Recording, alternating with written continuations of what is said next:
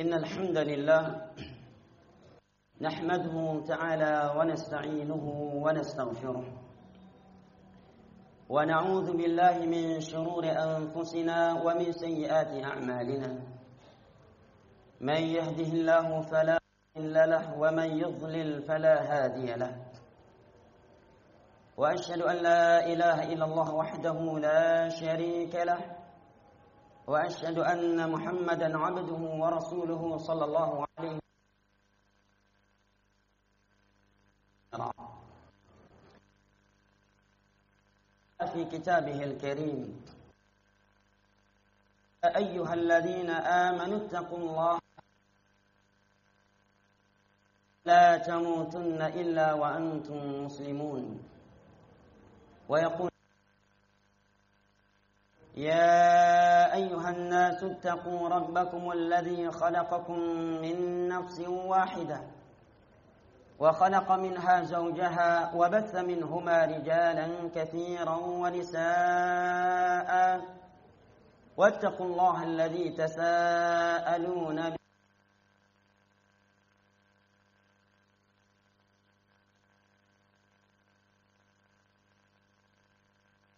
يا أيها الذين آمنوا اتقوا الله وقولوا قولا سديدا. يصلح لكم أعمالكم ويغفر لكم ذنوبكم. ومن يطع فوزا عظيما. أما بعد فإن أصدق الحديث كلام صلى الله عليه وسلم. وشر الأمور محدثاتها فإن كل محدثة بدعة وكل بدعة ضلالة من النار عباد الله sedang salat Jumat rahimani wa rahimah Khutbah kali ini khatib ingin mengajak dirinya sendiri yang pertama kali dan jamaah sekalian untuk mentadabburi dan mengambil pelajaran serta hikmah dari sebuah ayat suci Al-Qur'anul Karim yaitu firman Allah Jalla wa Ala dari surat Al-Hadid ayat ke-16 di mana Allah Jalla wa Ala berfirman ba'dama a'udzu billahi minasyaitonir rajim. Alam ya'ni lil ladzina amanu an takhsha'a qulubuhum lidzikrillahi wama nazala minal haqq ولا يكونوا كالذين أوتوا الكتاب من قبل فطال عليهم الأمد فقست قلوبهم وكثير منهم فاسقون Allah Jalla wa'ala berfirman Bukankah sudah saatnya Orang-orang yang memiliki iman Orang-orang yang beriman kepada Allah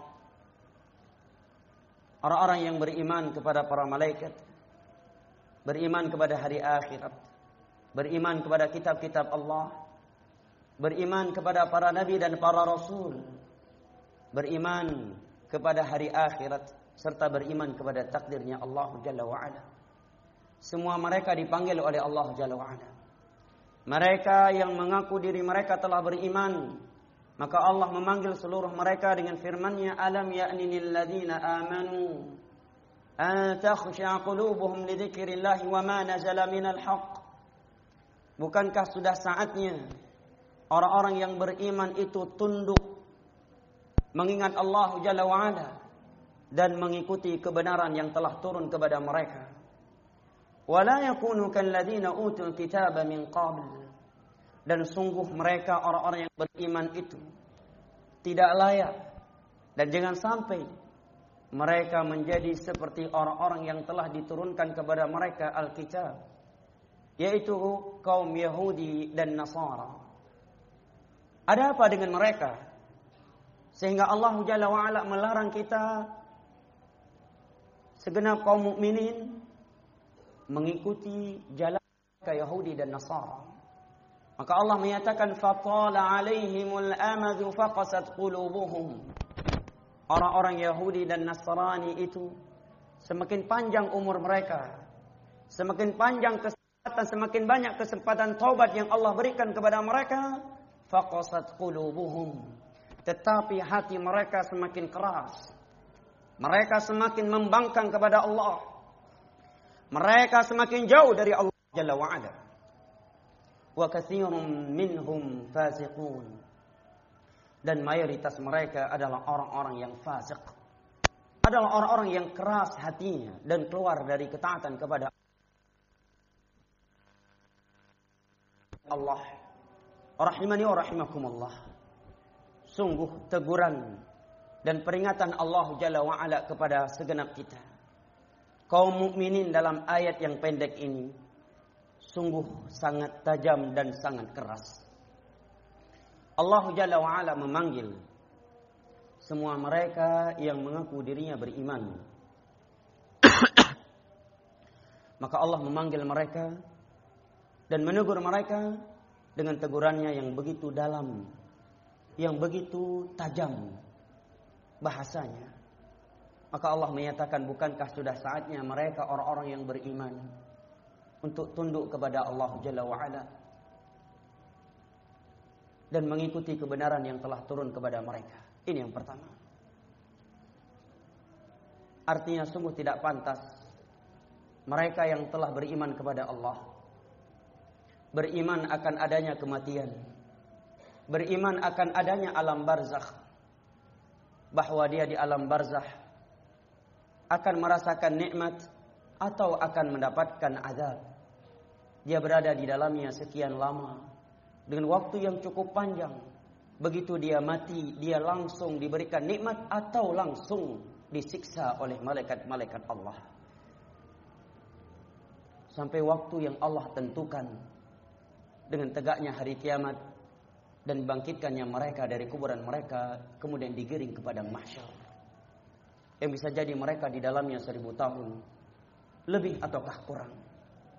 Mereka orang-orang yang beriman akan adanya padang mahsyar yang Nabi sallallahu alaihi wasallam sabdakan yuhsyarun nasu hufatan uratan ghurla. Manusia di padang mahsyar digiring dikumpulkan oleh Allah dalam keadaan tidak beralas kaki tidak berpakaian sehelai benang pun dan dalam keadaan tidak disunat. Membuat Aisyah radhiyallahu anha berkata, "Ya Rasulullah, ar-rijal wan nisa ala yanzuru ba'dhum ila ba'd?" Wahai Rasulullah, kalau kondisi kaum manusia di padang mahsyar demikian, tidakkah akan membuat sebagian lelaki melihat kepada aurat kaum wanita dan kaum wanita akan melihat kepada kaum lelaki? Maka Nabi sallallahu alaihi wasallam menjawab, "Ya Aisyah, al-amru asyaddu min dhalik." Wahai Aisyah, kondisi hari kiamat padang mahsyar itu sangat mengerikan dan sangat-sangat genting. Mereka tidak lagi memikirkan hal demikian. Bahkan di dalam hadis Miqdad Ibn al-Aswad yang diriwayatkan oleh Imam Muslim, Nabi sallallahu alaihi wasallam bersabda, "Tudna syamsu yaumal qiyamati minan nasi qadar al-mil." فيكون الناس في العرق بقدر أعمالهم فمنهم من يكون إلى كعبيه ومنهم من يكون إلى ركبتيه ومنهم من يكون إلى حقويه wa minhum man yuljimul araqu iljama. Di padang mahsyar nanti matahari didekatkan dari manusia sejarak satu mil. Maka semua maka mereka akan berkeringat. Sebagian mereka ada yang keringatnya sudah sampai kedua mata kakinya. Ada pula yang keringatnya sudah sampai kedua lututnya. Ada pula yang keringatnya sudah sampai ke pinggangnya dan ada pula di antara mereka yang telah tenggelam dengan keringatnya karena dosa yang banyak ia lakukan ketika ia di dunia. Saking dahsyatnya padang mahsyar jamaah yang dimuliakan Allah. Semua kita di saat itu mendatangi Nabi Adam. Agar Nabi Adam memohon kepada Allah untuk disegerakan hisab. Namun semua mereka beralasan tidak mampu sehingga kita semua mendatangi Nabi kita sallallahu alaihi wasallam. Maka Nabi pun sujud di bawah arsh Allah. Memuji dan menyanjungi Allah Jalla wa'ala. Dengan pujian-pujian yang belum pernah beliau ucapkan sebelumnya. Maka Allah pun menyatakan, Ya Muhammad irfa' ra'sak wasal tu'ta washfa' tushaffa' Wahai Nabi Muhammad, angkatlah kepalamu. Mintalah akan diberikan permohonanmu. Dan berilah syafaat untuk umatmu. Ini saya akan diizinkan. Maka setelah itu akan ada hisab. Sebagian mereka dihisab lamanya oleh Allah seperti dalam beberapa riwayat yang sahih seperti 400 tahun di dunia ini. Dan Nabi sallallahu alaihi wasallam bersabda man nuqisha fil hisab 'udzib. Barang siapa yang didiskusikan oleh Allah di dalam hisabnya maka pasti dia akan diazab. Pasti dia akan masuk neraka. Barang siapa yang ketika dihisab oleh Allah, Allah berkata kepadanya, "Kenapa kamu melakukan ini pada hari ini? Kenapa kamu berbuat itu? Kenapa kamu berkata demikian?" Maka orang yang seperti itu kata Nabi sallallahu alaihi wasallam, "Man nuqisha fil hisabi 'udzib." Barang siapa yang didiskusikan oleh Allah ketika hisab maka pasti dia akan diazab dalam neraka setelah itu. Setelah itu akan ada perintah untuk mengambil catatan-catatan amalan. Sebuah kitab yang Allah katakan la yughadiru saghiratan wala kabiratan illa ahsaha wa wajadu ma 'amilu hadira wa la yadhlimu rabbuka ahada. Seluruh perbuatan dan seluruh ucapan yang telah kita lakukan dan kita ucapkan dari semenjak umur balik kita sampai mati semua tercatat di situ. Tidak ada yang terluput sedikit pun dari tulisan tersebut. Maka ada yang mengambilnya dengan tangan kanan mereka maka dia akan menjadi ashabul yamin dan ada pula yang akan mengambilnya dengan tangan kiri dari sebelah dari belakangnya maka dia akan menjadi ashabul masyamah yang akan celaka setelah itu akan ada mizan jamaah yang dimuliakan Allah sebuah timbangan yang akan menimbang amalan kebaikan dan kejelekan kita. Yang Allah katakan faman fahuwa fi 'ishatin radiyah wa amma man khaffat mawazinuhu fa ummuhu hawiyah wa ma adraka ma hiya narun hamiyah.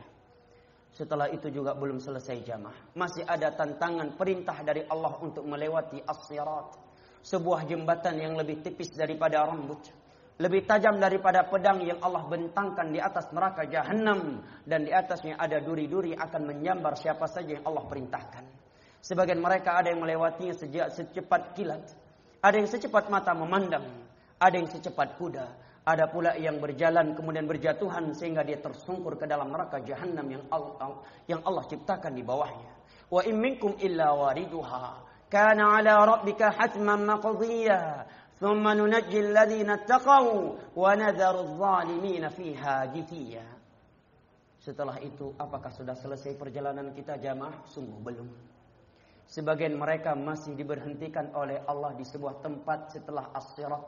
Dia sudah lulus dia sudah lewat as-sirat tetapi dia harus berhenti di sebuah tempat yang disebut oleh Nabi dengan al-qantarah. Tempat penegakan kisah semua kezaliman-kezaliman yang pernah ia lakukan kepada manusia di saat itu akan dituntut. Dia harus membayarnya dengan pahala-pahala ibadahnya. Kalau pahala ibadah dia tidak cukup untuk membayar kezaliman yang telah ia lakukan kepada manusia, maka Allah kumpulkan dosa-dosa mereka para korban kezaliman dia kemudian Allah lemparkan kepada dia kemudian dia lemparkan ke dalam neraka Allah. Setelah itu apakah telah selesai perjalanan kita jamaah? Belum. Sebagian mereka masih harus berdiri di sebuah tempat yang disebut oleh Nabi dengan Al-A'raf. Salah satu dari nama surat dalam Al-Quran, surat ketujuh. Diriwayatkan oleh Imam Ahmad bahwa Al-A'raf adalah sebuah tempat antara surga dan neraka. Di sana akan diberhentikan orang-orang yang kebaikan mereka seberat kebaikan jelekan mereka. Mereka tidak langsung dimasukkan ke dalam surga karena kejelekan mereka yang seberat kebaikan mereka. Dan mereka pun tidak langsung dilemparkan ke dalam neraka Allah karena kebaikan mereka seberat kejelekan mereka. Sehingga Allah memutuskan hukumnya kepada mereka sesuai dengan hikmah keadilan dan rahmatnya. Setelah itu barulah syurga dan neraka jamaah yang dimuliakan Allah.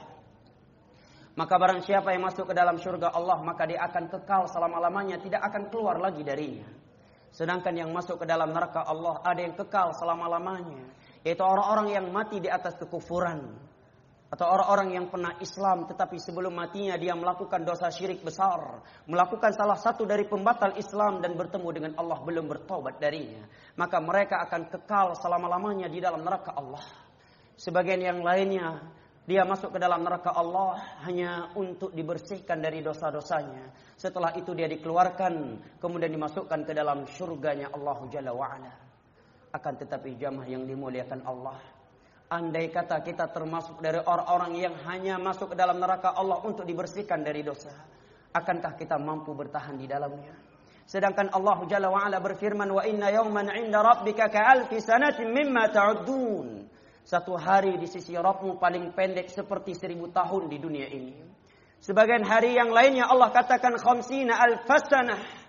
Seperti 50 ribu tahun di dunia panjangnya. Siapa yang akan mampu bertahan di dalamnya walaupun satunya satu hari saja.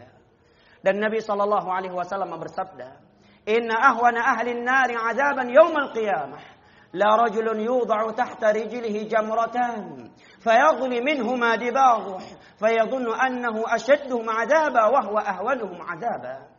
Sesungguhnya penghuni neraka yang paling ringan siksaannya. Nabi tidak menyebutkan yang paling keras siksaannya. Tetapi yang disebutkan oleh Nabi sallallahu alaihi wasallam adalah siksaan yang paling ringan agar kita mengambil pelajaran, agar kita mengambil sikap serius terhadap neraka Allah dan agar kita tidak bermain-main dan menganggap enteng akan siksaan yang Allah sediakan di dalam nerakanya. Maka Nabi menyatakan sesungguhnya siksaan neraka yang paling ringan adalah diletakkan duanya bar, dua bara api di bawah kaki seorang hamba lantas mendidih dan meleleh otaknya. Panasnya api di dunia ini. Kalau kaki yang terbakar, kepala tidak akan ikut hangus dan meletus.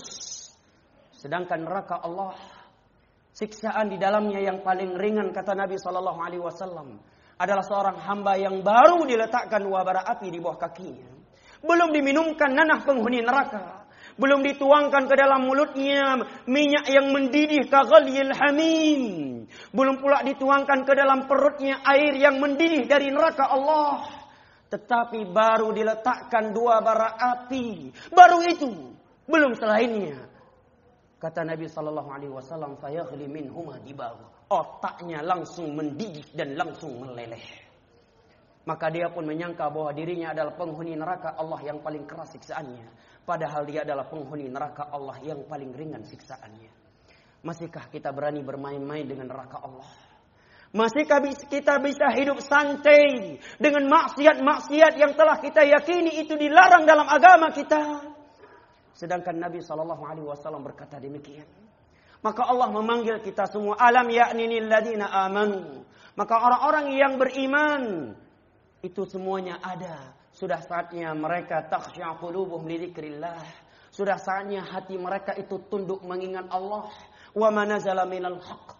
Dan mengikuti kebenaran yang telah ada, yang telah turun kepada mereka dari Al-Qur'an, yang telah turun kepada mereka dari hadis-hadis Nabi wasallam yang sahih.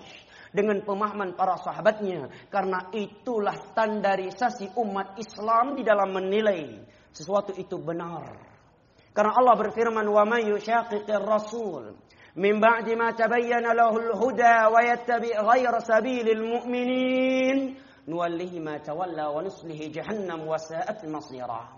Barang siapa yang mengambil selain jalannya Rasulullah sallallahu alaihi wasallam dalam akidahnya, caranya beribadah setelah jelas baginya petunjuk, telah jelas untuknya petunjuk Nabi dalam masalah wudu, dalam masalah solat, zikir setelah solat lima waktu, dalam masalah puasa, haji dan yang lain-lainnya. Telah jelas untuknya akidah yang berdasarkan Al-Quran dan hadis. Kemudian dia berpaling ba'dama tabayyana lahul huda setelah jelas untuknya kebenaran. Wa yattabi ghayra sabilil mu'minin dan dia mengikuti selain jalan para sahabat Nabi karena kaum mukminin ketika ayat ini turun hanyalah mereka para sahabat Nabi.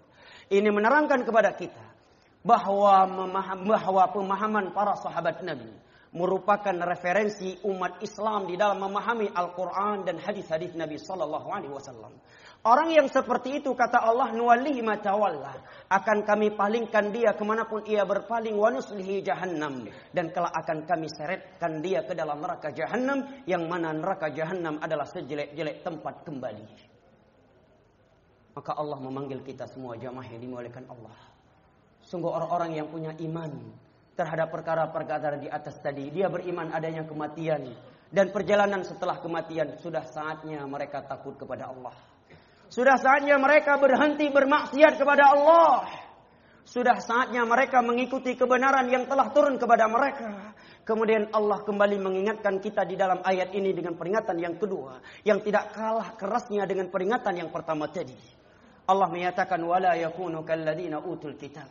Janganlah mereka orang-orang yang punya iman, yang beriman itu hidupnya seperti Yahudi dan Nasrani. Mungkin kalau ada seorang ustaz atau ada seorang teman berkata kepada kita, kamu hidup di dunia ini jangan kayak Yahudi dan Nasrani ya.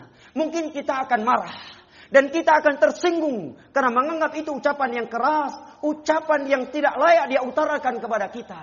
Tetapi kali ini yang berkata demikian adalah Sang Pencipta adalah Rabbul Alamin. Dialah yang berkata kepada kita wala yakunu kalladzina utul kitaba min qabl. Orang-orang yang beriman itu tidak layak hidup di dunia ini seperti Yahudi dan Nasrani. Bagaimana mereka? Allah katakan fatala alaihimul amadu faqasat qulubuhum. Semakin panjang umur mereka, semakin banyak kesempatan tobat yang kami berikan kepada mereka, tetapi hati mereka semakin keras dan semakin jauh dari Allah.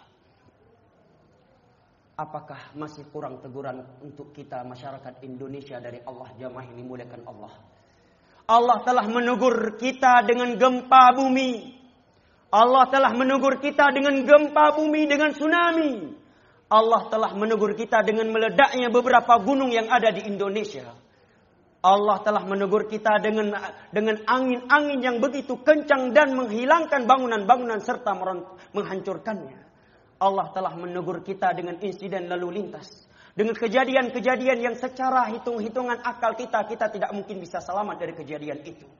Berapa sering kita naik naik naik pesawat. Sekian kali kejadian-kejadian secara hitung-hitungan kita tidak akan mungkin bisa selamat dari kejadian tersebut. Sekian pesawat telah terbakar dan meledak dan kita salah satu dari mereka yang telah Allah selamatkan. Maka Allah memanggil kita semua. Jangan kayak Yahudi.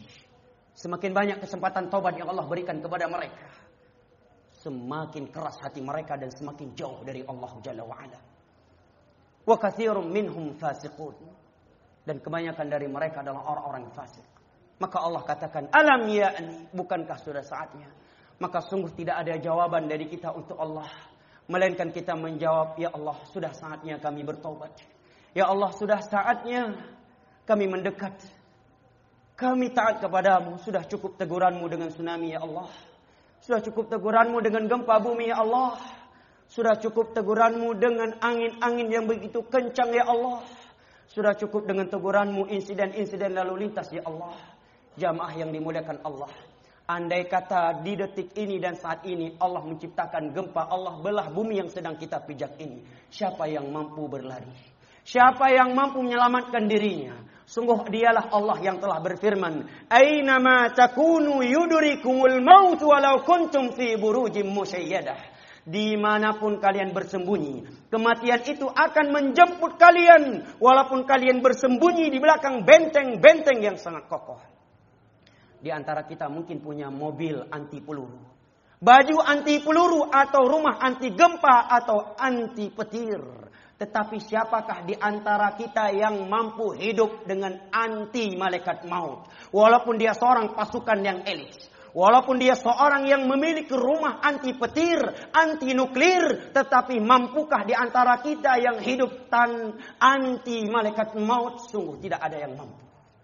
Aku liqauli hadza وأستغفر الله وأتوب إليه. فاستغفروه إنه هو التواب الرحيم. بارك الله لي ولكم في القرآن العظيم ونفعني وإياكم بما فيه من الآيات والذكر الحكيم. إنه هو السميع العليم.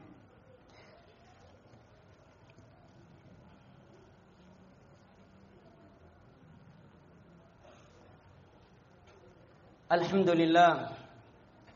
الحمد لله الذي أرسل رسوله بالهدى ودين الحق.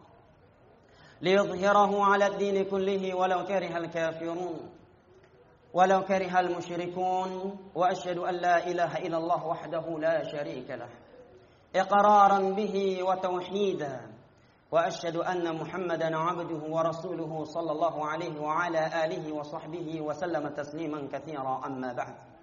فيا عباد الله أوصي نفسي وإياكم بتقوى الله فقد فاز المتقون. يقول ربنا جل وعلا في كتابه الكريم إن الله وملائكته يصلون على النبي يا أيها الذين آمنوا صلوا عليه وسلموا تسليما. اللهم صل وسلم وبارك على محمد وعلى آله وأصحابه أجمعين. اللهم اغفر للمسلمين والمسلمات الأحياء منهم والأموات. اللهم أرنا الحق حقا وارزقنا اتباعه وأرنا الباطل باطلا وارزقنا اجتنابه. اللهم إن توفيتنا فتوفنا مسلمين وألحقنا بالصالحين ربنا آتنا في الدنيا حسنة وفي الآخرة حسنة وقنا عذاب النار وسلام على المرسلين والحمد لله رب العالمين وأقيموا الصلاة